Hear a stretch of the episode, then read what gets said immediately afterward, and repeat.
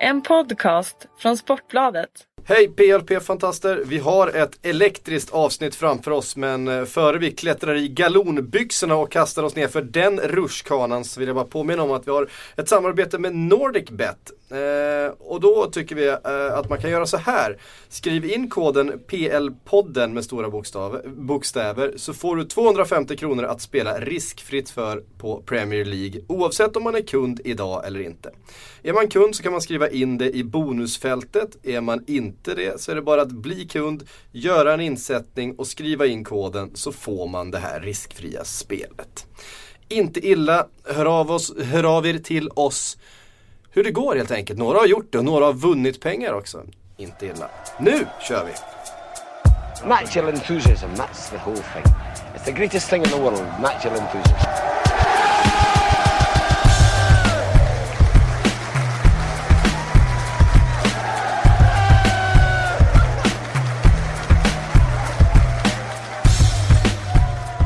Då var det här, det 45 avsnittet utav Sportbladets Premier League-podd. Vi kollade ju eh, förra veckan vilka som hade spelat med tröja nummer 44. 45 är lite lättare. Vi ska prata om den killen lite längre fram här i, i podden, den gode Mario Balotelli.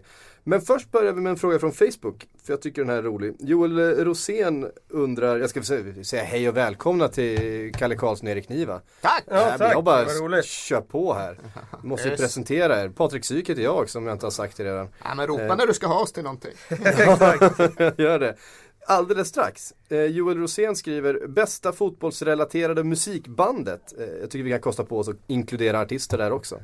Jag vet ju att du har ett brinnande musikintresse Erik. Hur Ja, kombinerar du det med fotbollsintresset? Det har jag aldrig upplevt som några större problem egentligen eftersom att jag är uppvuxen med den brittiska fotbollen som vi pratar om här och eh, där har ju fotboll och musik alltid varit två helt kompatibla populärvetenskapliga eller populärkulturella uttryck. Eh, Så har det väl i och för sig kanske inte varit i Sverige och i andra delar av världen men för mig har fotboll och musik alltid hängt ihop och det där var ju en väldigt bred fråga som man hade kunnat ägna en hel podcast åt utan minsta problem. För bästa fotbollsrelaterade musikbandet, musikartisten, ja vad är egentligen att vara fotbollsrelaterad? Egentligen så har ju alla brittiska band eller artister en fotbollskoppling. Det går inte att hitta de som inte har det. Eh, Det är väl The Beatles som inte brydde sig sådär jättemycket men när man skrapar lite grann så nog 17 hittar man ju Everton-kopplingarna i Paul McCartneys familj ändå men Därutöver är det ju egentligen bara att, att välja och vraka. Finns det en brittisk musikartist så finns det även någon form av fotbollskoppling. Så allt där är mer eller mindre fotbollsrelaterat. Kalle, har du, har du någon koll på fotbollsrelaterad musik? Nej, inte så. Alltså fotbollsrelaterad musik. Det, är ju, det beror på var du drar gränsen för vad som är relaterat till fotbollen. Räcker det med att någon är intresserad av eh, och eh, håller på ett lag och dyker upp på den eh, eh, hemmaarenan tycker, vi, då jag och tycker vi då? får ta det ett steg till. Eh, Att man till exempel har skrivit en eh, hyllning till en speciell låt eller till ett speciellt lag, att man kanske till och med har spelat själv.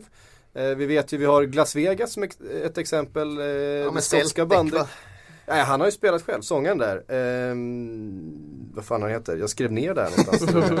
Eh, James, James. J- James Allen, han spelade 105 matcher i skotska tredje divisionen. Gjorde han det? Ja. Det var jag faktiskt inte klar över. Jo för fasen. De har ju numera en trummis från Piteå eller Boden eller något i den stilen också. Jag Ja, tror inte hon spelade så jäkla mycket. Men... Nej, Där Nej, är för fasen. skillnaden Han har, en, på- han har en, eh, en riktig fotbollskarriär i eh, bagaget. Ja, de gjorde ju den låten, vad heter den? Flowers and Football Tops, första låten på deras första fullängd som väl i grund och botten i och för sig handlade om sorgen kring den destruktiva våldskulturen som har Skottland i sitt grepp. Men den går ju också att knyta ihop med fotboll. Eller rättare sagt, den går inte att koppla ifrån fotbollen.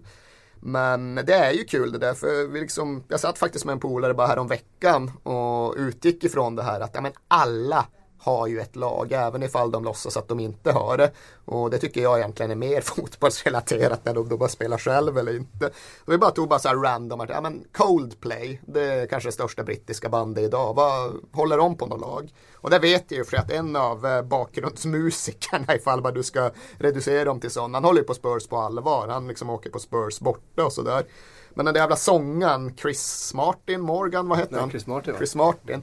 Har han något lag? Och kolla lite grann på det där. Och i grund och botten så hade han inte det. Han var inte så aktivt intresserad. Och det är väl i och för sig ofta så att frontmännen, de är lite mer konstnärliga typer. De är inte lika eh, självklart inne på fotboll. Men nog fan visade sig att han tydligen hade en koppling till Exeter City ändå i slutändan. Och när Exeter City hade lyckats med någonting så då kom det en gratulation från Coldplay. Och det är det där man också gillar, att det inte behöver vara Arsenal och det behöver inte vara Chelsea. Det kan vara Exeter City och det fanns någon annan i Coldplay som tydligen gillar Gretna uppe i Skottland.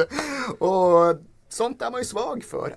Det, det. finns överallt. Och, Eh, jag kastar in en, en personlig favorit och det är eh, The Business. Som inte nödvändigtvis, eh, de, de har ju liksom kopplingar till en viss sida utav fotbollen. Men de har ju faktiskt skrivit låten England 5, Germany 1. En, en låt som helt och hållet handlar om en, och, en match, en landskamp. ja, men det är ju ändå deras näst mest intressanta fotbollslåt. De har ju framförallt den om Gareth Southgate och Ja. straffmissen eh, Precis. 96. Eh, we smashed up his house och vad de nu rekommenderar. Från, från skivan Hardcore Hooligan ska vi säga. Det tror jag inte. Jag tror att den är från Whole Truth, Nothing But The Truth. Jaha, men det det ska jag inte- för sig inte svära på. Men de är ju speciella för business. Det är ju gamla gatupunkare, ståplatspunkare från sydöstra London. Om jag inte minns helt fel så är de uppdelade på ett komplicerat sätt. Någon är Chelsea, någon är Millwall och jag tror någon, nej, de är nog Chelsea och Millwall. Det ju För det finns ingen tydlig, jag, jag gjorde lite efterforskningar för Champ 69 West Ham. eh, har ju den där, eh, Millwall Boys. Ja just det, nu tänkte jag på Cockney Reject som är West Ham, ja Nej. exakt. Champ 69 är ju Millwall. Eh, och det hade ju varit väldigt tydligt för en, ett band som The Business att, att ha en ganska tydlig klubbkoppling. Men det är väldigt tydligt att de inte tar ställning i sina texter för ett specifikt lag. Ja men jag Så tror det att finns de är uppdelade mellan Chelsea och Millwall. Kommer ihåg Madness, det numera lite återaktualiserade skabandet. De höll ju på att splittras för att Sags, sångaren, han skulle alltid åka med Chelsea away när de hade spelning liksom. Så de höll på att vara tvungna att lägga ner hela karriären av den anledningen. Mm. Eh, kul fråga i alla fall. Ja, den här vill jag vara kvar i. Jag vill Ja. ge Spurs-supportrar. Vi har en brokig jäkla skara musiker. Bob Marley. Det är ju credit liksom. Bob Marley Jaha. höll på Spurs. Han dog ju som en konsekvens av att han hade spelat fotboll och fått en tåskada som sen eh, ledde sig till att sjukdom spreds i kroppen. Så det är ju credit. Däremot har vi också Phil Collins. Det är lite svårare att liksom, att bära upp. Ja men så är det. Ehm, det var musik det. Ehm, och det här är avsnitt nummer 45, vi var inne på det. Tröjnumret för Mario Balotelli. Eh, en tröja som nu Pepe, eller Pepe, har i sin ägo efter att han bytt i halvtid. Reagera Kalle, reagera.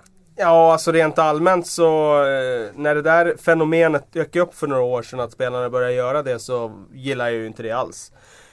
För jag är ju av den eh, åsikten att man ska koncentrera sig i allra högsta grad på sin uppgift på planen så länge matchen pågår. Sen har man ju fått vänja sig vid att eh, det är så här det fungerar och eh, jag känner väl att eh, eh, opinionen dömer olika beroende på vem som har, gör det och va, vad den har presterat i första halvlek. Och, eh, när vissa spelare gör det så är det väl okej. Och när andra spelare som är kanske satta lite under press eh, så är det väl inte lika mycket okej.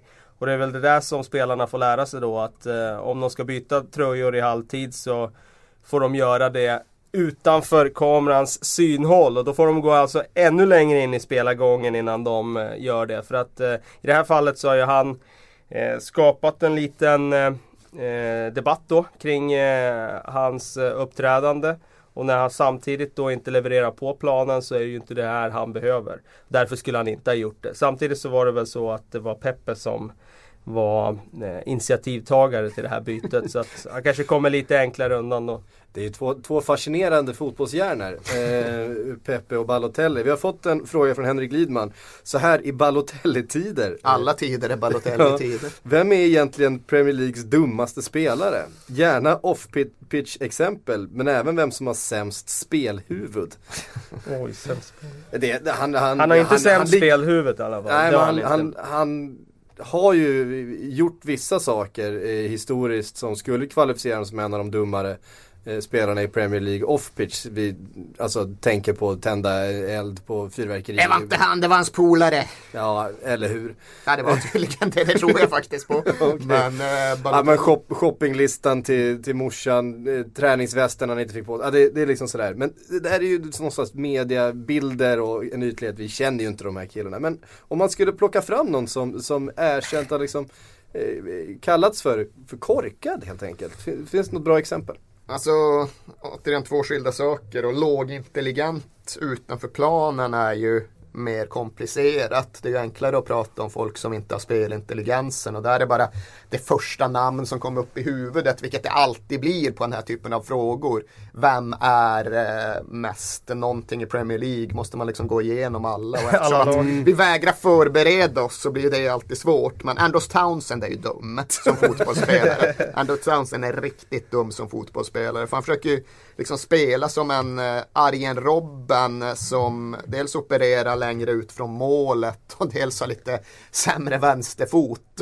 För det enda han gör egentligen det är att skära in och så tar han avslut med vänstern från 30 meter. Och han, hade, alltså han har gjort ett Premier League mål och det var på ett misslyckat inlägg som råkade singla in bort, Bort mot Aston Villa. Ja. Därutöver har han skjutit typ 200 skott, noll mål. Och okej, han har satt några bollar för landslaget på Wembley men ja, hans eh, fotbollshuvud eh, har ju inte utvecklats färdigt. Så kan jag väl formulera mig. För även om man har kvaliteter och egenskaper så blir det ju aldrig någon effekt på hans spel. I och med att det enda han i slutändan gör är att skära in på sin vänster och skjuta över från 30 meter. Så han är väl den eh, dummaste spelaren jag kan komma på på Premier League-planen och så i brådrasket. Ja. Eh, vi rör oss tillbaks då till Balotelli. Du menar att han har, det är inget fel på hans spelhuvud egentligen Kalle? Va, Alltså man kan väl säga så här att ha- det är inget fel egentligen på hans speluppfattning. Eh, han kan uppfatta situationer på ett bra sätt på planen. Där, var han ska löpa, eh, var han ska passa eh, och så vidare. Däremot så är det ju ett problem i hans mentalitet för att han eh, är inte tillräckligt mentalt stark för att eh, ta rätt beslut konsekvent. Och han är ju framförallt eh, en sån spelare som eh, pendlar väldigt mycket i sitt humör. Vilket gör att om han misslyckas i början av en match så kommer inte han jobba sig tillbaka in i den matchen. Utan då går han och surar lite och då sjunker hans prestation väldigt mycket. Så att eh, man kan väl skilja mellan speluppfattning och, och spelförståelse som de gör enligt teorin. Och eh, liksom uppfatta situationen kan han göra på planen. Men eh, han, hans eh, spelhuvud i det stora är ju inte tillräckligt bra för att han ska hålla den nivån som hans talang egentligen eh, meriterar. Mm, vi har en fråga från Sofia Bengtsson. Ehm, och hon undrar också om eh, Balotelli, när ska han börja prestera? Och fyller på med, var det ett misstag av eh, Brennan Rodgers att värva honom? Alltså det beror väl på hur alternativen såg ut. Och det är väl förmodligen så att han inte hade värvat Balotelli ifall han hade fått igenom eh, Loic Remy. Och där är, ju, där är det väl fortfarande lite oklart vad det egentligen var som stoppade den övergången och vilken påverkan Brendan Rodgers hade att dra igenom den. Nu blev det ju ett sent köp i ett skede där det inte fanns eh, 18 stycken färdiga världsklassanfallare att välja mellan. Och därigenom blir den också någon form av chansning. Sen eh, tycker inte jag att vi ska sitta här efter två månader och göra bokslut för Mario Balotellis tid i Liverpool. Eh, så kan det inte få fungera. Men han har ju haft en trög start och eh, när en sån som Jamie Carragher som givetvis har insikt och insyn i snacket på Melwood och där kring säger att han har svårt att se Balotelli spela i klubben nästa säsong så är det såklart att det är en indikation på att saker och ting inte alls har blivit som någon hade tänkt sig. Alltså problemet är väl inte bara med Balotelli det här med att han inte har gjort mål och att hans målsnitt eh, är eh, för dåligt efter två månader. Utan problemet är ju om den här fina eh, stämningen och den här känslan av att alla drog åt samma håll och var beredda att springa igenom väggar i fjol. Om den går förlorad om man har en spelare som så uppenbart faller ur ramen då och då. Och det är sådana små saker som, som kan påverka det. Om det bara blir den där att eh, de här små eh, vibbarna man ger till sina lagkamrater på planen. Om de plötsligt blir negativa och att det blir en spiral. Då, då, kan, då, då kan det växa till en enorm snöboll när den har rullat på. Och det är det som jag ser som risk nu. att han eh, Lagkamraterna är lite rädda liksom för att ge honom kritik för då vet de inte hur han kommer reagera på det. Och det är ju inte så som det ska fungera i ett lag. Nej. Vi avrundar eh, Balotelli-diskussionen. Vi kommer väl nämna honom eh, något lite längre fram här. Men Max Persson skriver, finns det en chans att Balotelli gör en Robbie Keane och helt enkelt går på reklamation för ett rabatterat pris tillbaks till klubben han kom. Vi kommer ihåg Tottenham övergången där på Robbie Keane. Alltså du har nog bättre koll än vad jag har på vad som sägs om kontraktsklausulerna i Balotelli. Finns det några sådana möjligheter? Inte kända. Nej. Alltså om det är ett helt vanligt kontrakt som är skrivet, om det är en helt vanlig övergång som är gjord så tror ju inte jag att Milan vill ha tillbaka Balotelli särskilt gärna. Det är ju både Berlusconi och Galliani och flera andra höjdare inom klubbhierarkin har ju uttryckt sig lite nedvärderande om honom så det kan jag ju inte se hända. Däremot så riskerar det ju definitivt att bli så som det i någon mån var med Robbie Keane att eh, det finns någon sån här vandringsmanna vandringsmannarisk för Mario Balotelli. Eh, nu tror jag ju visserligen inte på sista chanser på det sättet för en spelare med hans eh, förmåga och potential. Det kommer alltid dyka upp någon jäkla klubb som är intresserad av att knyta honom till sig. Men det är klart att om det inte blir mer än så här i Liverpool, då är det väl frågan om det är en Champions League-klubb som hör av sig nästa gång. Då kan det ju börja bli en nedåtgående spiral. Eh, och den risken är ju högst konkret. Men ja, om nu Jamie Carragher säger att eh, det är tveksamt om Mario Balotelli spelar i Liverpool nästa säsong, ja men vart ska han då spela? För även om 16 miljoner pund inte var den högsta övergångssumman som har betalats så är det ju ändå mycket pengar. Det krävs en hyfsat kapitalstark klubb för att kunna lösa ut honom på ett sätt som skulle vara okej okay för Liverpool. Och där någonstans ligger väl rävsaxen att då kommer det alltid finnas intresse. Men kombinationen intresse, ekonomi och i någon mån dragningskraft på Balotelli. Det vet jag sjutton om det är så många klubbar som har. Mm. Um, det var den gode Mario det. Um, vi ska inte älta det för mycket, eh, för det gör alla andra så otroligt bra. Men vi får ändå redogöra för våra intryck av den gångna Champions League-omgången. Och då med ett par engelska glasögon på oss Erik. Du satt ju i, i Viasat-studion igår. Jag, min första känsla är, eh, har du ens fått de här eh, framförhandlade fackliga 11 timmarna mellan arbetspass? kan jag inte tänka mig. Eller det har jag definitivt inte. Nu ska jag tänka. Jag var där sändningen slutade vid midnatt ganska prick och så var jag här vid halv tio. Så det är nio och en halv timme mellan arbetspassen. Det är någon jävel som måste ta tag i det här. Det någon måste avgå. Ja, exakt. Och det är inte jag. Och det är, då, är det, du, då är det du psyk. Du har ju lagt podden klockan elva. Fan också. Eh, Kalle, vad är dina intryck då? Eh, mina intryck är väl att ehm, eh, om vi tar Liverpool så fick de en lektion av ett otroligt bra fotbollslag. Eh, det var en ocean av klass som skilde mellan lagen. Inte så mycket att säga om. Liverpool är nere i källan nu men de mötte ett Real Madrid som, som kommer slåss om slutsegern i den här turneringen. Som är ett av eh, de tre bästa lagen i Europa. Och det är så uppenbart när de har den typen av spelare. Då kan man spela på ett sätt som som, som andra lag inte kan göra. Det är så otroligt eh, hög individuell kvalitet på några, på några spelare i det här laget. Så att eh, det är bara att lyfta upp hatten egentligen för Anfield och säga att vi mötte ett bättre lag. När det gäller Chelsea så um, får du påminna mig här, vad blev det till slut? 6-0. 6-0 blev det till slut. Ja, det, jag menar det är inte så mycket att säga om. De fortsätter på sitt tåg. De, eh, Utan Diego de Costa. spelade utan Diego Costa den här gången. Remi gjorde mål. Eh, utgick med skada tyvärr. Vilket eh, såklart sätter ett frågetecken inför fortsättningen med Chelsea. Nu får vi se om Diego Costa spelar till helgen här. Men de fortsätter imponera. I Arsenals fall så såg jag, har jag inte sett den matchen än, men jag förstår eh, på rapporterna att eh, de kom undan med mord i princip eh, när de vände och vann i slutminuterna. Han är ju han är specialist på det där Podolski, trycker upp dem i nättaket från fyra meter.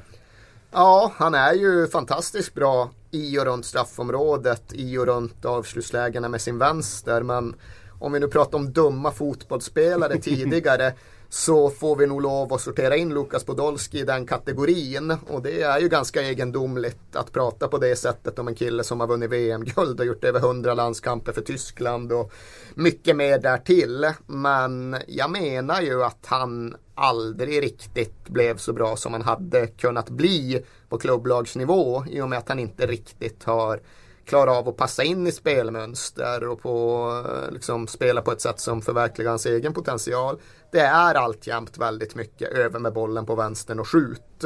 Och jag vet ju att Wenger hade en idé om att skola om honom till center när han plockade honom till Arsenal.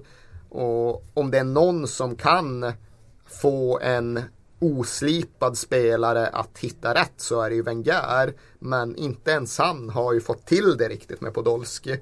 Eh, så där är det nog faktiskt en fråga om att en lite väl primitiv fotbollshjärna håller tillbaka en, eh, en stor begåvning lite grann. Mm. Men tre viktiga poäng för Arsenal borta mot Anderlecht. Det är Ja, ganska, precis. ganska tuff bortamatch ändå. Eh, spännande lag Anderlecht på många sätt. De har ju alltid mycket ungt och kul och är väl lite ett mini-Ajax på det sättet att de får fram väldigt mycket bra men blir också av med det väldigt snabbt. Det är klart att man har ofta suttit och romantiserat Ajax generation från 2004 säg vad hade hänt om Zlatan och van der Fart och Schneider och alla de killarna hade spelat ihop. De hade kunnat vinna Champions League.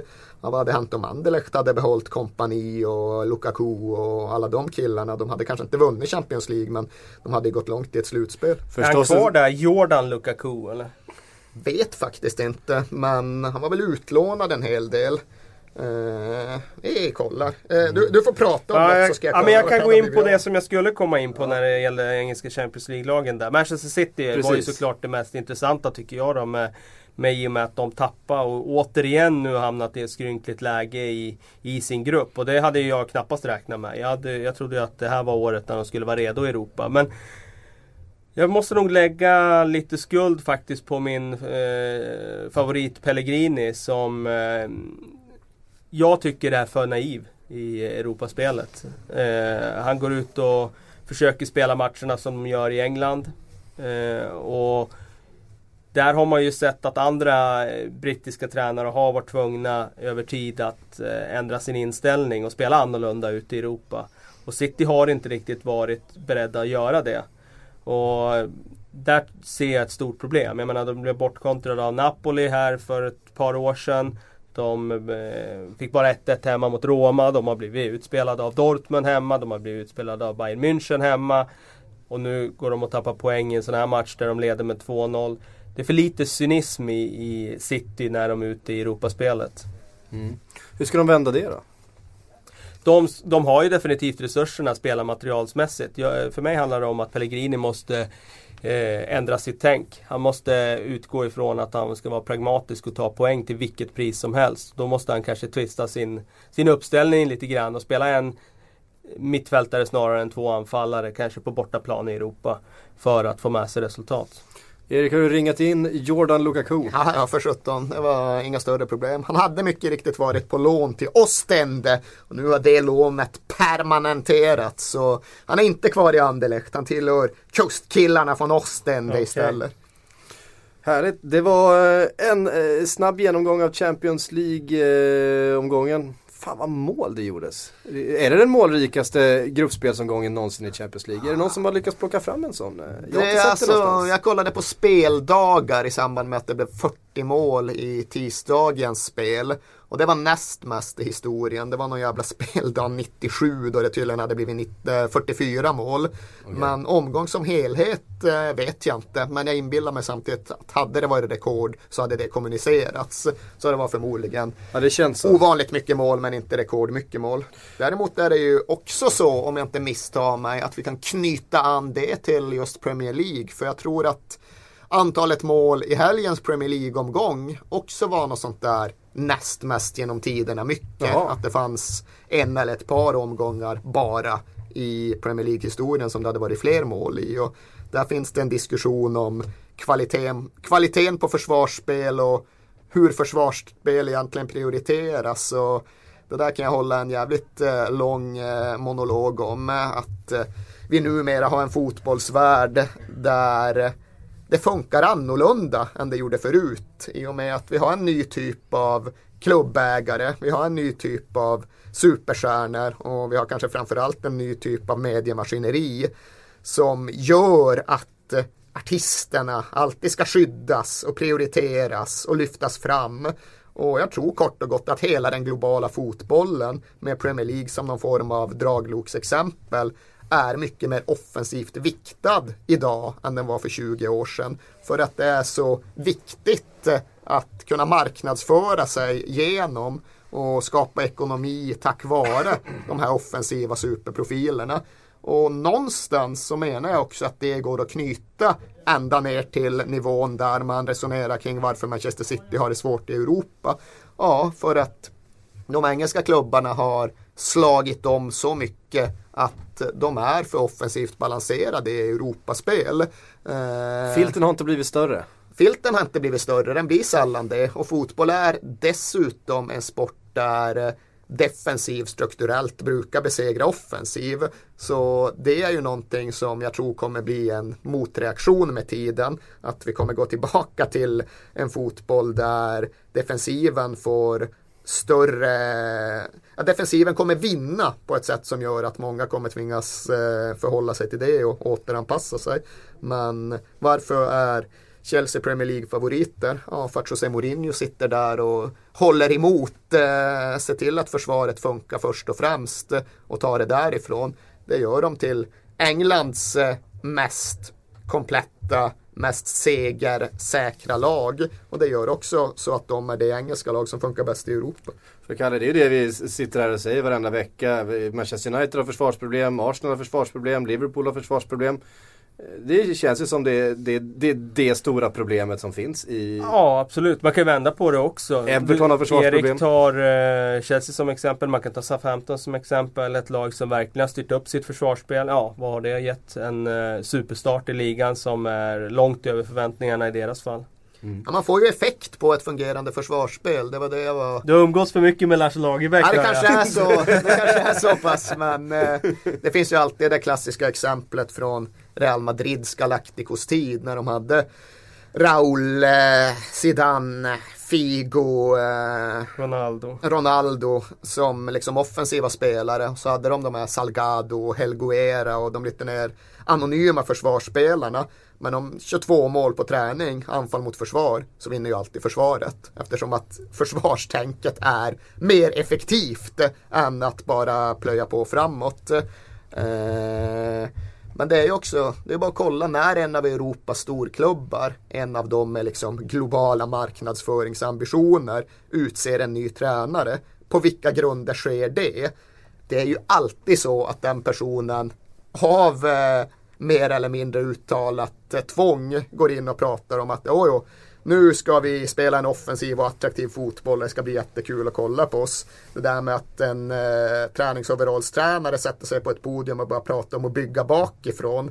Det hör inte den här fotbollstiden till i alla fall. Nej, men jag, vill, ja, jag håller med dig. Och jag vill nog förlänga det också till att spelarna vill inte heller höra det. Alltså de vill inte spela i ett lag där det kommer en tränare som säger så nej men vi ska inte ha bollen överhuvudtaget. Vi ska bara liksom bygga bakifrån, spela trågfotboll, mm. lägga, lägga längre bollar. Så de vill inte heller ha den typen av kommunikation. Utan de vill ju höra att vi ska vara det laget som ska framåt och styra matcher. Ja, det är dessutom så att det finns ju inga proper defenders kvar i världsfotbollen. Säger jag är medveten om att det är en lite väl svepande överdrift. Men det finns någonting där. Alla ytterbackar som har beskrivits som moderna sen Cafu kom fram för 25 år sedan. De eh, uppmärksammar sig just för deras offensiva förmåga snarare än att de är solida defensivt. Och detsamma börjar gilla mittbackar. Liksom vilken är Premier Leagues mest eh, exponerade och uppmärksammade mittback? Det är väl Vincent Kompani som ofta stöter fram i lite väl hög utsträckning och går bort sig. Mats Hummels fick eh, oerhört mycket cred i samband med VM och det ska han ju ha. Men det är också den typen av offensiv mittback. David Luiz ska vi inte ens gå in och snacka om i sammanhanget. Men det är ju också en av världens mest välkända en av världens dyraste försvarare. Och det har fan inte med hans defensiva kvaliteter att göra. Och där kommer vi tillbaka till Mourinho igen som skickar en kille som David Luiz, visserligen för ett eh, hiskeligt pris, jag tror alla hade sålt honom för det. Eh, men då satsar på en Gary Cahill och en eh, John Terry. Som... För att de är proper defenders. Just. Ja, de, är, de, är, försvarare som i första hand försvarar. Och det går ju också att knyta vidare till att han väljer Oscar före Mata. Ja, för att Oscar är bättre tvåvägsspelare. Han är bättre i sin defensiv. Och Mourinho kommer ju aldrig att falla offer för någon form av ägarpåverkan som eh, kräver mer attraktiv fotboll. Även om han nu gick in i Chelsea förra hösten och gjorde ett försök tills han tröttnade där vid jul. Mm. Men det är ju en av de sakerna som gör honom så framgångsrik och det kommer kanske ge ännu mer utslag framöver. Um, det kanske är en orätt, orättvis jämförelse men jag tänkte att uh, Mourinho skulle få bli segway i alla fall till uh, Harry Redknapp. uh, Apropå folk som prioriterar den defensiva stabiliteten. Eller? Precis. Ehm, efter eh, helgens match där man på något jävla sätt slarvade bort eh, en poäng mot Liverpool så gick han inte ut och pratade så jättemycket om själva matchen. Han passade på att såga Adel Tarabt som inte ens fanns med i laget kallade honom för tjock och oprofessionell eh, och så vidare. Tarabt svarade med att lägga upp en, en bild som man gör i, de här, i sociala medier på en mage som inte alls såg speciellt överviktig ut och Rednap kontrade tillbaka och sa att ja men du är fortfarande jävligt oproffsig. Du är bara tappa vikt eftersom att du har haft någon form av halsfluss. Det enda sättet som man kunde förlora kilon på. Ja, mycket festligt det hela. Ja, man, man, man, man myser lite, även att det måste vara jobbigt för alla inblandade när det liksom blir så här pass ont blod alltså, mellan en spelare och en tränare. Gick ut och var inte helt nöjd med, med vad den här ordväxlingen gjorde för QPRs image. Men men eh, jag tyckte det var mycket underhållande. Vad är er inställning till en tränare som går ut och sågar en spelare på det här sättet? Vi, vi har ju sett, eh, vi kan jämföra, van Schaal sa ju något liknande om Luke Shaw i somras. Eh, fick Luke Shaw att eh, ta li först... Lite annan typ av ordval. Ja, det var väl li li li lite annan eh, liksom, tonalitet i, i det. Men fick Luke Shaw att ta första bästa taxi till första bästa gym. Eh, och jobba på den där fysiken. Det är väl frågan om, om Rednap får samma effekt utav Tarapt. Ja, det finns ju ändå där också någon form av historisk relation de två emellan som på någon form av engelskt sätt kanske påminner lite grann om den som Mancini hade med Balotelli. Det är liksom, kanske inte far och son, men det är son och, eh, son och farbror eller något i den stilen. För de har jobbat tillsammans länge och Rednap har ju uttryckt sig uppskattande kring honom tidigare och liksom Tarat har ju pratat om att ja, Rednap kan minsann få ut min förmåga och sådär. Men det är väl just att när det är två som har stått varandra nära och det sen skär sig emellan dem så blir det ännu mer lite infekterat än det är om van Gaal är missnöjd med Luke Shaw under den första träningsveckan som de två har ihop. Ja. Eh, Kalle, hur bedömer du eh, Rednaps situation i eh, QPR just nu? Nej, den är ju pressad. Men den, den blir ju mindre pressad av att han har så bra relation uppenbarligen med sin ägare. Det känns som att de är eh, kanske på eh, de lite för nära kanske eh, som ägare. Och sen tror jag det ligger lite prestige i Fernandes val med tanke på att han det är han som plockar in Rednap. Eh, det är han som tar dem upp i Premier League. Han vill så gärna att det här ska fungera. Sen tror jag också att det finns, ett, att det finns med Rednaps historik att han har en del att falla tillbaka på. Han har liksom kallats Harry Houdini och Eh, jag tror att Fernandez känner att ja, visst vi kan byta tränare men det är inte säkert vi får någon som ger oss större chanser att hänga kvar. Nu ändrar de ju dessutom spelsätt till den här matchen och spelar rakare och enklare. Och de gjorde ju faktiskt en ganska bra match, eh, QPR, som gav klubben hopp om att eh, de faktiskt ska kunna reda ut det här. Så att eh, han har nog en del, en del förtroendekapital kvar. Sen är det klart att han har ju ett väldigt eh, eh, rakt och lite för ärligt sätt när han pratar. Eh, det blir väldigt underhållande presskonferenser av det men det hjälper inte alltid honom. Som i det här fallet så har han ju sagt, sagt för mycket. Han har sagt mer än vad han borde göra. Och det hjälper inte han i det här läget. Sen kan jag ju sympatisera med hans grundhållning som han har haft en längre tid. Som i korthet går ut på att dagens spelare alldeles för känsliga och ömhudade och, och vad fan ifall de inte sköter sig så ska de väl få höra några sanningar. Och han fick ju verkligen fog för båda delarna av den, eh, den grundinställningen under sin tid i Tottenham där han framförallt eh, hade en sån episod i relation till Darren Bent. Jag kommer jag var över på den matchen, Portsmouth hemma. Det var ett kritiskt jävla skede för Spurs. Jag tror vi låg sist i ligan. Harry var fortfarande ny på jobbet och vi behövde verkligen slå Pords med femma. 1-1 i 88 där Darren Bent får en boll två meter från mål som han bara ska nicka in i tom bur och lyckas styra den utanför. Vad tyckte du om det Harry? Ah, vad fan, det är helt obegripligt. Min fru hade satt den där nicken. Alltså det, det tycker jag att han kan få säga i det läget. Men Darren Bent tog ju otroligt illa vid sig. Han var trampad på sina ömma tår. Det känns och... som en känslig kille samtal också. med agenten Ja, men han drog ju mer ja. eller mindre från klubben i förlängningen som en konsekvens ja. av det. Och det känns ju som att vad fan är det frågan om? Tarat kan jag väl ha lite större förståelse för i det här enskilda fallet. Samtidigt har jag eh, all eh, Ja, jag vet ju att Tarat inte är helt lätt att hantera. Vi pratade tidigare om Balotelli och spelare med allt färre sista chanser. Tarat är ju en sån. Han eh, var ju bra i Milan utifrån sina förutsättningar, utifrån vad folk förväntade sig av honom. Men det är liksom aldrig hans talang som har varit ifrågasatt. När han kom fram i Tottenham var han hänförd av hur jävla begåvad han var och hur vilken mönsterbrytare han var. Liksom. Han stod på kortlinjen och fintade utåt och kom ändå förbi med, med boll i behåll och, eh, och dribblingen intakt. Så otroligt talangfull spelare men eh, fullständigt eh, ja, han har ju vi var inne på dumma fotbollsspelare tidigare. Ja, och dels är det ju det att han har ju inte någon spelförståelse. Han släpper ju aldrig bollen kort och gott. Han är nog den mest bollkära spelaren som finns kvar i en Premier League-trupp.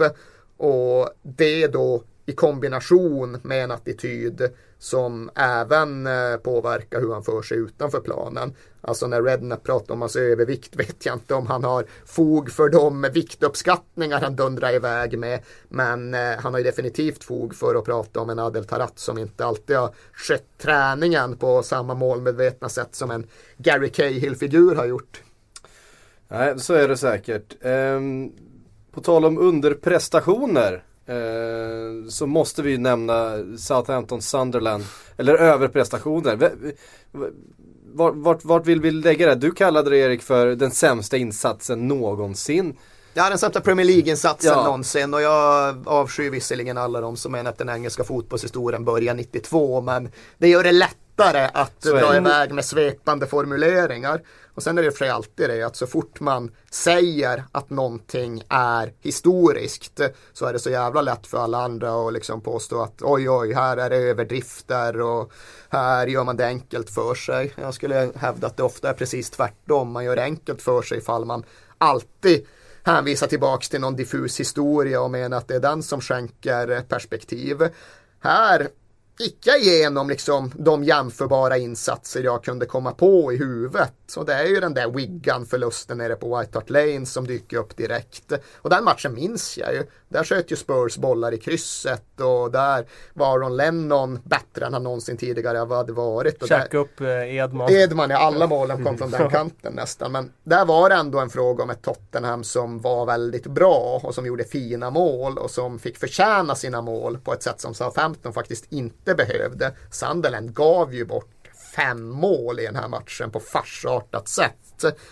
Och sen har vi Man United som slog Ipswich med nio bollar någon gång i mitten av 90-talet. Men det var ju också en match som man måste utvärdera utifrån förutsättningarna. Det var när Manchester United verkligen var som störst och styggast och mäktigast. Och lilla Ipswich åkte upp till Old Trafford och skulle ju bara bli överkörda. Southampton-Sunderland, det var en match som på förhand inte var helt självklar. Det fanns någon ovisshet i den. Så ja, jag är inte övertygad. Nu har jag ändå lyssnat på remisser i en halv vecka och det är ingen som har kunnat övertyga mig om att det har funnits en sämre insats än den Sunderland gjorde. Skulle möjligen ha varit Man City som var uppe i Middlesbrough och förlorade med 7-8-1 någonting. Skulle säga att den är närmare i jämförelsen. Var det under Svennis? Det var Svennis sista match. Ja, det var väl det som gjorde att han definitivt fick sparken och inte fick vara med på tåget det, när, när araberna kom. när araberna sen kom. Men eh, Ja, jag såg den där matchen nu faktiskt, Southampton Sunderland. Det som är lite intressant med den är ju att Sunderland är ju bäst i den matchen första 10 minuterna. Eh, och hade man gjort bedömningen där och då, då hade jag gett dem ja, ganska bra chanser att knipa tre poäng. För de tar initiativet och styr matchen. Eh, sen kommer ju det där väldigt eh, olyckliga självmålet när Virginie dundrar in den eget nät. Och det är, klart ju att det får det är en... säsongens självmål. Ja, Ja, det är det är århundradets, det- det- det är århundradets självmål nästan. Det är fantastiskt. Lee Dixon gjorde Ja. ett i det förra århundradet Ja. då, men det är jag ju otroligt förtjust Ja, det är ännu När han bättre. bara liksom ställer sig, kollar bak på, är det Simon eller Ja, John Lukic? jag tror Simon faktiskt. Ja, och bara liksom, ah, vad fan, jag lobbar in bollen över honom för 20 meter. Otroligt välavvägd lobb. Och där är det verkligen sådär att Ja men Vergini, där ser jag, han försöker bara toffla undan bollen och så får han den för långt på insidan och så får den där bollbanan. Men när Lee Dixon lobbar in bollen i eget mål på Highbury, det går inte att förstå vad han försöker göra förutom att lobba in bollen i eget mål. Men var Lee Dixons självmål, var det på den tiden när man fortfarande fick eh, spela hem till målvakten när han fick ta det Nej, med det var det händerna? inte. Nej. Ja, då är det helt För obegripligt. jag jag har för mig att det var så. Ja, det var jävligt tidigt. Det Ja. var ju säg 91, 92. Var det så, var det så Ja. tidigt? Ja, gjorde mig- men då, jag kan, tror då kanske det var så. så. Ja. För att det var det som var grejen, att han kunde inte ens ta den om han sträckte sig och hoppa efter den. Jag vill, jag vill minnas att det var så, men jag Jag, kan jag, ha också, jag har ju också sett det, jag vet vilket du pratar om, men det känns... Coventry hemma vill jag minnas. Jag ska inte svära på detta men jag sätter mig och gör en telefon-googling likt Ja, Jordan det, är ju, Lukaku. det är ju brytpunkten där någonstans med tillbaka, tillbaka spel. Det, Ja, det, det, det, det, måste väl nästan varit det, annars, ja. annars blir det ju ännu mer obegripligt. Varför han drar den så högt. Ja. Ja, det är mycket riktigt Coventry hemma 91. Dock spelas videoklippet upp först efter annonsen. Här, Dixon har bollen. Kolla upp, vänder tillbaka, lobbar över. Det där är ju helt hopplöst för... Om det är... Ja, det är nog fan Simon. Fan var han där redan 91? Bara en sån sak. Eh, nej men sen eh, Southampton, ja men då har vi rätt ut Lee Dixon, Coventry 91. Eh, jag tror att det kan ha varit så att man, eh, att man fick spela hem då. Ja, Eh, eh, det, måste, det, det måste ju varit så. Ja, jag sätter mig och reder ut Ja, alla det. oklarheter här. Först, Ja. när kom David Seaman till Arsenal? Och när fick man spela hem till Exakt. målvakten? David Ja, Seaman kom till Arsenal Nej men, eh, 90, ta mig fan, från QPR. Eh, så, ja, fortsätt ja, prata. nej, men, vi eh, fortsätter prata. Sen efter det då så, eh, sen rinner det på eh, till paus då. Det kan man säga. Ja, och sen i andra halvlek då är det ju ett fullständigt haveri Sunderland. Alltså de rasar ihop fullständigt och där känner man ju också att det är ett lag som eh, inte agerar så som man alltså, ska göra för att visa respekt för klubbmärket, för sina lagkamrater, och för sin tränare, för sina fans. Alltså, eh, de eh, känns som att de låter det rinna iväg. Det, det, det är förvånande eh, ändå känner jag. Jag tycker Sunderland ändå känns som ett lag med ganska stark eh, liksom moral och ett, ett lag som ska kunna täppa till en blödning. De har en Lee Cattermole som springer runt där på mitten och, och är förbannad och, och, och skriker på medspelarna och ändå ska liksom få, få stopp på en sån här grej. Men det var så otroligt håglöst. Ja, det är märkligt för jag delar ju den uppfattningen att det är ett Poirier-drivet lag. Där ska Exakt. det finnas energi och stolthet. Det är ändå John O'Shea och Wes Brown i försvaret och det är ju liksom professionella yrkesmän med väldigt stor vinnarheder. Så det är överraskande. Jag såg den fan inte Det komma. finns andra lag i, i ligan som man snarare hade kunnat se det hända. Tottenham till exempel. Ja, men man hade kunnat se QPR göra det. ja, ja, eh, herrejösses. där, där, där ser man ganska snabbt att det, att det blir hängskallar. Ja. Ehm, äh, Eh. förvånad, vad säger någonting om Southampton då? Nej, jag vill prata om eh, bakåt, eh, the back pass rule Ja. istället. Introducerades 92 som en konsekvens av framförallt VM 90 Ja. och den destruktiva och negativa fotboll som anses ha spelats då. Det var ju början på hela den här liksom stora mekaniska förändringen som jag var inne på tidigare när pendeln svängde mot att fotbollen skulle bli mer globalt offensiv och artisterna skulle skyddas snarare än att Batista skulle skägga ner varenda jävla snubbe. för, för 92 i EM, då var den, eh, den regeln eh, satt i bruk va? Och sen till 94 så kom regeln om, om avvaktande, eller om offside och in, inte deltagande spelare. Det kom, kom till Messi. Jag tror När att det var Gerro de gjorde två. mål där. Och här kan det ju faktiskt, eh, vi pratade ju förra veckan om att jag i grund och botten är emot alla förändringar inom fotbollen. Men både hemåtspelsregeln och trepoängsregeln tycker jag ju faktiskt var bra Ja, korrigeringar. du ser, du ser. Ja. Offside-regeln då? Att, Nej, offside-regeln som... är, ju- den är ju värdelös liksom. Jag avskyr det där att eh, man kan köra Van Nistelrooy-grejen. Det där att man står i offside, Ny låter yttern ta bollen och sen liksom utnyttjar man sitt försprång för att bara raka in bollen i tomt mål. Det tycker jag är värdelöst till Ja, det, exempel. det, det håller jag med om. Jag, den, den kan jag köpa. Att den har blivit lite för, eh, lite för lätt eh, den regeln när det gäller just det där med ny situation. Men det Van ligger, Nistelrooy. ligger Men däremot, i linje med att det ska vara fler mål, roligare öppnare fotbollvärlden nu. men däremot vad, vad jobbig den var offside-regeln när det var någon kille som stod liksom längst ut på vänsterkanten som stod i offside-läge. Och så gick bollen ut till, till någon annan Mm. spelare, i, eller liksom centralt som blev fri. Som inte överhuvudtaget har eh, varit i närheten av offside. Och att det då var offside. Det, det, jag kan köpa den för Där har vi också faktiskt. den färska situationen från i helgen eh, när Frank Lampard står och liksom hoppar framför Loris och inte anses ha påverkat spelet. Det skulle jag väl i och för sig lägga mer på den assisterande domaren än på regelskrivningen som sådan. För Ja, för tror där, det finns ju inskrivet. Där, där, Ja, ja. där, där är väl de där flesta överens om att det var ett Ja. felbeslut Ja. liksom. Och sådana kommer ju alltid att hända. Men fan kommer ni ihåg alltså, vad märkligt det är nu att se på VM 90-klipp.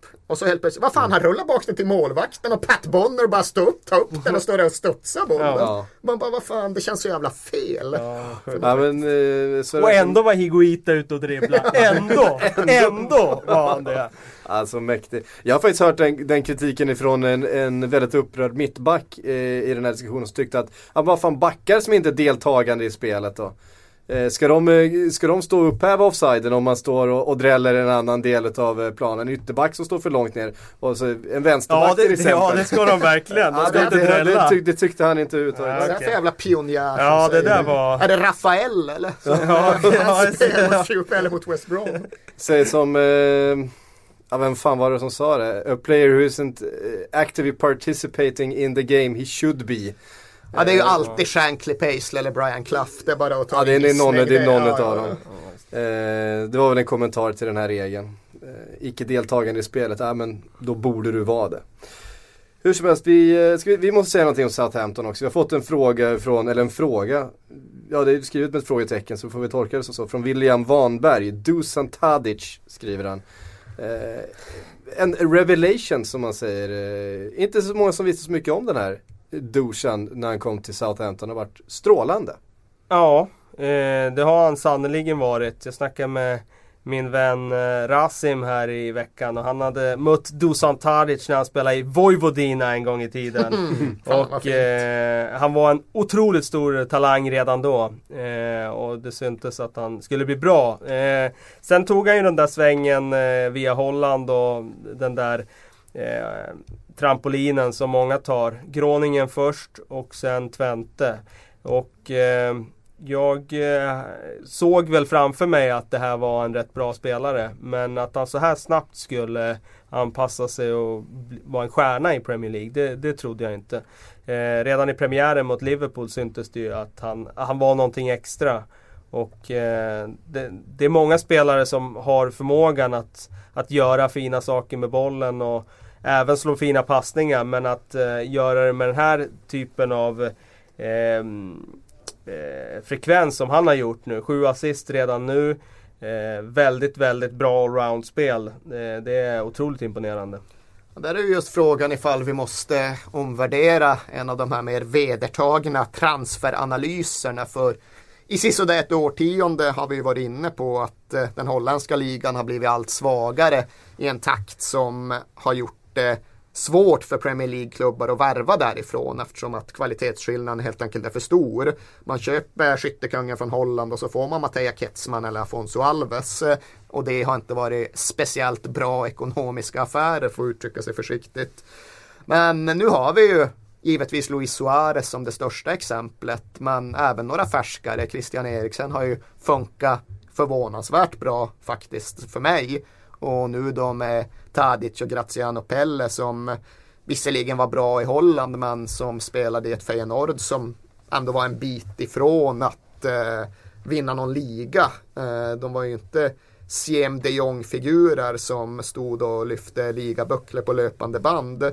Så kanske är det så att den holländska ligan någonstans har eh, klättrat tillbaka lite upp i kvalitets, eh, kvalitetsbedömningen. Vi har ju Boni också som Ja, också har gjort det väldigt, väldigt bra. Jag, jag, jag, jag frågar ju Simon Bank här om spelare med jämna mellanrum eftersom han har en väldigt eh, god kännedom om Italien. Och jag frågar ju honom om Erik Lamela då inför att han skulle komma till Tottenham och Bank sa ah, given succé, given succé. Så frågade jag inför året om, om Pelle. Och han sa nej, nej. Jag tror inte, jag tror inte, på, tror inte på Pelle. Det är bra att du, Så hänger, att, du hänger ut jag Simons, hänger ut- Simons jag- öga här. Med glädje hänger jag ut Bank här. Ja, som, det här är mitt eh, favoritsegment i den här podcasten. Så. Eh, såga Simon Bank. Ja, ja, det borde, borde vara återkommande. Men eh, jag, jag köper i och för sig hans där om Pelle för att eh, hans ehm, eh, stats i Italien, eh, i Parma då bland annat, de, de var ju inte alls imponerande. Utan det är ju egentligen den här sessionen han har i Holland som där han ja, eh, har gjort det väldigt, väldigt bra. Och sen att han går till Premier League och är så här bra, det, det, det kunde inte jag heller se överhuvudtaget. För det är ju ingen, är ju ingen 20-åring som har fått en, Nej, en, tvärtom. En, eh, liksom en utvecklingsbump liksom. Utan han har ju gjort många säsonger på den högsta nivån utan att lyckas. Ja, Ja, Jag tror Och- verkligen att han är beroende av eh, att laget runt honom funkar väldigt bra. För det är inte så att han kommer ta tag i något spel och liksom vinna matcher på egen hand som en Luis Suarez till exempel kunde göra. Men däremot kommer inläggen, inspelen in i straffområdet så kommer ju han att sätta dit bollarna i synnerhet nu när han har sånt här flow som han har haft i några år. Han tvekar ju inte. Han avslutar ju på ett tillslag och Möter man Vito Manone och avslutar på ett tillslag så går nog bollarna in liksom. Eh, Stackars så, Manone. så länge han är i ett flow och så länge Southampton är i ett flow då kommer han ju fortsätta producera. Däremot så är jag fortfarande nyfiken på att se vad som händer med honom den dagen Southampton börjar hacka lite grann och han börjar tänka en gång extra när avsluten ska, ska dras iväg. Jag såg ju han i premiären mot Liverpool borta där och eh, jag tyckte han såg ganska loj och orörlig ut i den matchen. Var inte alls imponerad. Men eh, senaste matchen nu när jag sett honom, alltså han eh, imponerar väldigt, väldigt mycket med sitt allroundspel. Det är inte alls bara de här målen han gör utan väldigt, väldigt duktig som targetspelare. Och, Eh, get other people into play som eh, man säger i, i England. Han är duktig som länkspelare också. Mm. Eh, viktigt. Eh, en annan länkspelare möjligtvis, eh, vi fått en fråga från Jocke Liv, men vi lämnar Southampton, eh, Sunderland där.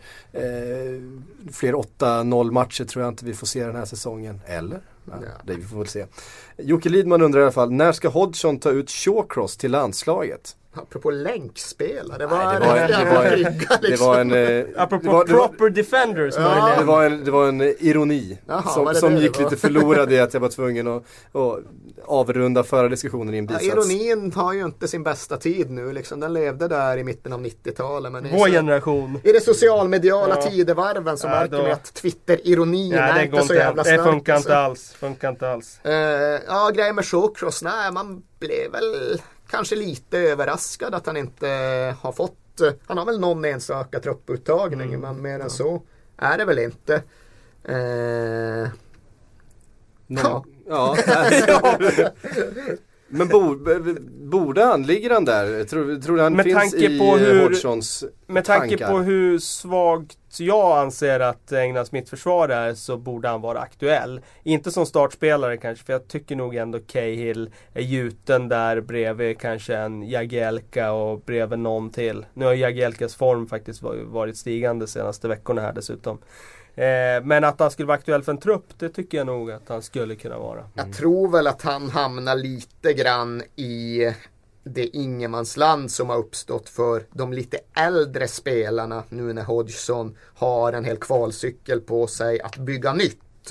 För nu tar han ju ut Callum Chambers och John Stones eh, framför till exempel då Ryan Shawcross. Och det gör han ju med tanke på att de där spelarna ska utvecklas och växa in i någonting som kan leda fram till något större. Shawcross här och nu som eh, 27-åring tycker väl jag också är bättre än eh, Stones och Chambers uppriktigt sagt. Men jag inser ju samtidigt att potentialen i de två sistnämnda är större. Shawcross har fått lära sig att slå lite, en liten annan typ av uppspel än tidigare under Mark Hughes och det har väl gått bra. Men det blir nog inte sådär jättemycket mer än det vi ser. Och därför kan jag väl liksom i alla fall förstå tanken på att välja potential framför att nödvändigtvis ha den absolut bästa fjärde mittbacken inför hemmamatchen mot San Marino. Mm. En spelare som kanske kunde ingått i den där eh, cyniska brutalelvan eh, som eh, jag på något sätt försökte haspla ihop förra veckan. Fick du några reaktioner på den eller? Nej, inga alls.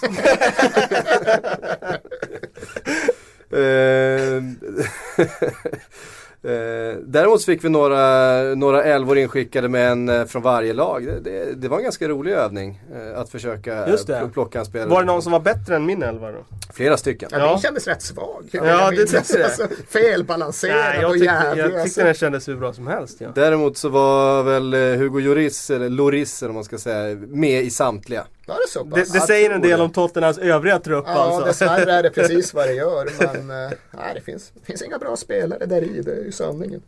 Ehm, så kan det vara. Det var ingen som tog Kyle Norton alltså. Alltså det värsta, eller på att säga, jag vet inte fan varför jag säger så, men eh, min motvilja mot Kyle Norton är rätt stor. Eh, jag tyckte han var bedrövlig egentligen i alla matcher han spelade fram till den här hösten. Han har fått någon form av utveckling under Pochettino för han har gjort han har varit mycket mer solid i de matcher han har spelat än någonsin tidigare i en Tottenham-tröja. Det var nästan så att jag kom på mig själv och var lite besviken när han blev skadad. Och det hade jag Oj. inte varit för en säsong Oj. sedan. Nej, han hade riktigt tungt förra säsongen. Ja, och säsongen dessförinnan och säsongen dessförinnan. Han har aldrig sett ut som en duglig Premier League-spelare inför den här hösten. Och det är jag uppriktigt sagt fortfarande inte säker på att han är eller kommer bli. Men han har i alla fall blivit lite bättre. Mm. Ehm, um, du, du, har varit inne på tidigare att det finns ingen att gilla i det här eh, Tottenham-laget. Eh, Kyle Norton kanske inte är den personen heller. Men vi har fått en fråga, för det var ganska många som satt hemma eh, i lördags och ställde sig frågan, vem fasen är Ryan Mason egentligen? Han är killen som startade borta mot Arsenal. Ni borde ha ställt er frågan då istället. Eh, Jonathan Larsson eh, skriver ja, ungefär så här. Snacka Mason i Tottenham, vart kom han ifrån? Ja, han kom ju från Enfield, alltså Tottenhams eget territorium, Tottenhams egen akademi. Och det gillar man ju. Och eh, det, ska, det som ska sägas om honom är ju att han är lite äldre än man instinktivt tror. Jag befarar att jag kan ha refererat till honom som unge Ryan Mason någon gång tidigare. Och det är inte riktigt rättvisande. Oprövade Ryan Mason är mer korrekt för han är 23 nu. Och det är lite synd eftersom att man vill eh, ha unga utvecklingsbara spelare i truppen. Men det märks ju också att det finns en erfarenhet och en mognad i hans spel som kanske inte finns i Nabil Bentalebs spel faktiskt. Även om han liksom är en ganska klok, eh, klok ung mittfältare. Men Mason han har ju likt en Andros Townsend eller en Harry Kane, liksom killarna som han växte upp tillsammans med i akademin, fått ta den långa krokiga vägen till Tottenhams A-lag.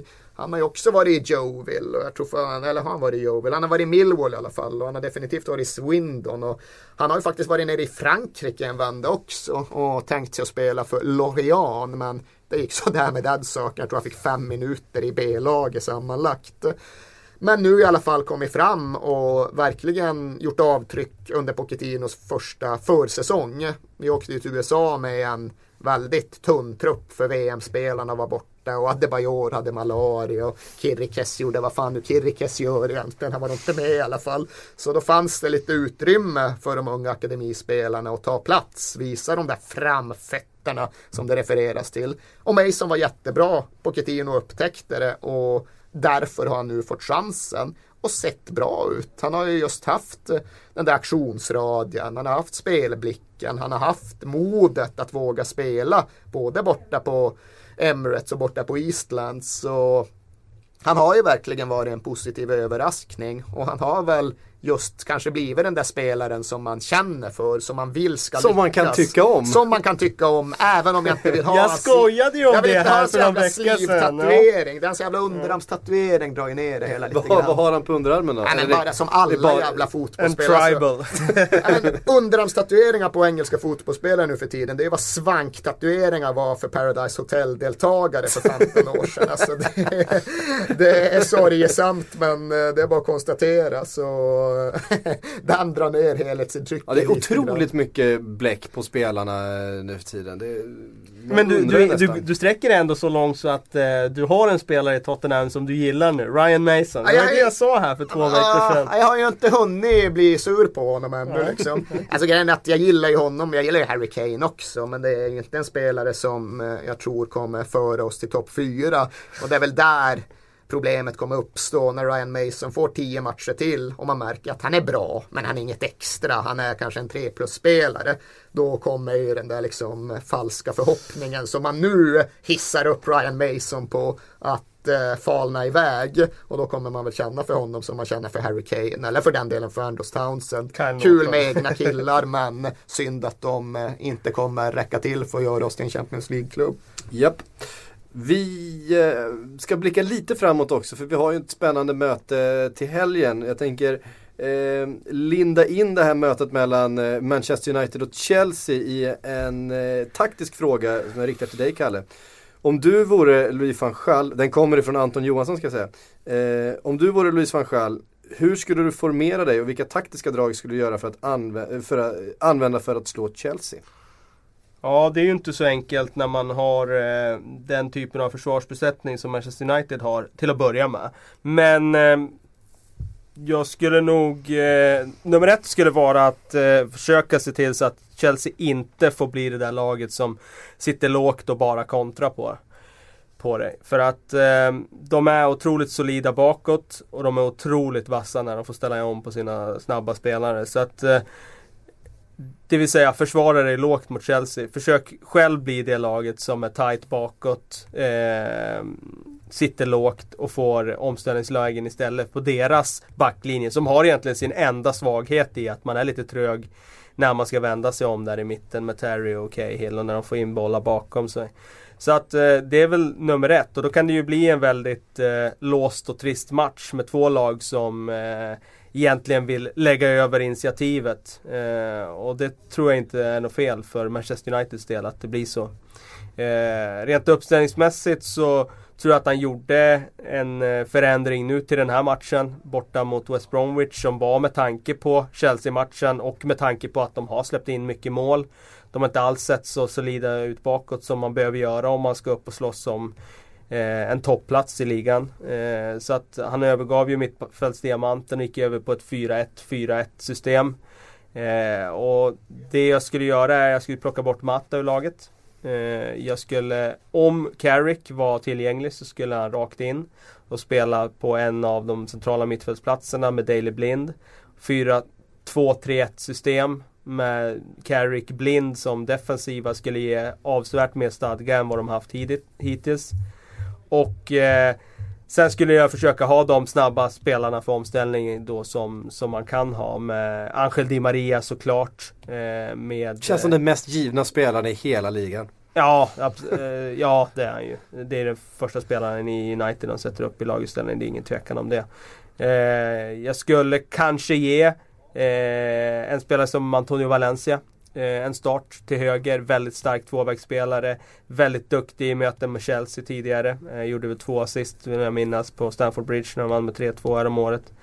Eh, ja, något, något i den stilen. Sen, Han spelar på topp då? Ja, Robin van Persie är ju väldigt formsvag. Men jag skulle nog ändå ha Robin van Persie från start och Falcao på bänken till att börja med. Eh, Du skulle det? Mm, det skulle jag ha. Och eh, nummer 10-rollen? Nummer 10-rollen eh, skulle jag ju Fellaini, såklart Fellaini. haft eh, Wayne Rooney om han hade varit tillgänglig och det har han ju inte. Jag vill inte ha Mata och jag vill inte ha Fellaini för jag tror att eh, han eh, han har sina fördelar Fellaini och det visar han ju senast när han hoppade in mot West Bromwich men de fördelarna blir väldigt, väldigt bräckliga mot ett lag som Chelsea som flyttar boll snabbt på det där mittfältet. Det är då, det är då han blir avslöjad. Det är då han inte är tillräckligt rörlig. Och jag tror att Fabregas han skulle springa i åttor runt Fellaini om han skulle spela den där 10-rollen där. Så att eh, jag skulle nog kanske sätta en Herrera i en sån roll kanske.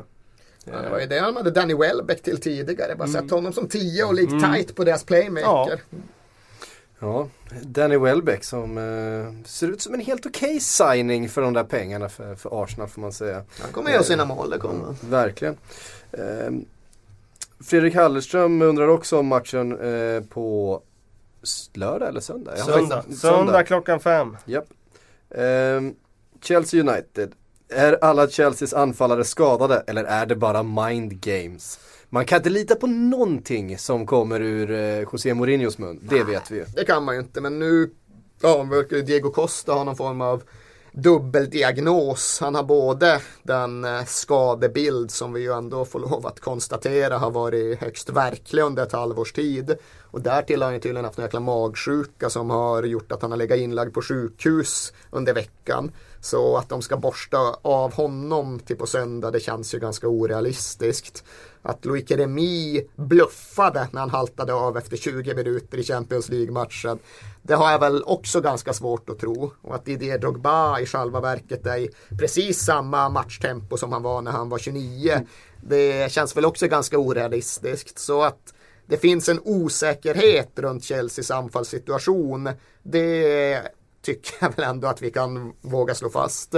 Däremot så skulle jag väl inte bli förvånad ifall de pusslar ihop Remi och får ut honom till start på Old Trafford. Låter honom göra 70 minuter och sen ha Drogba eller kanske till och med Costa och gör 20 till.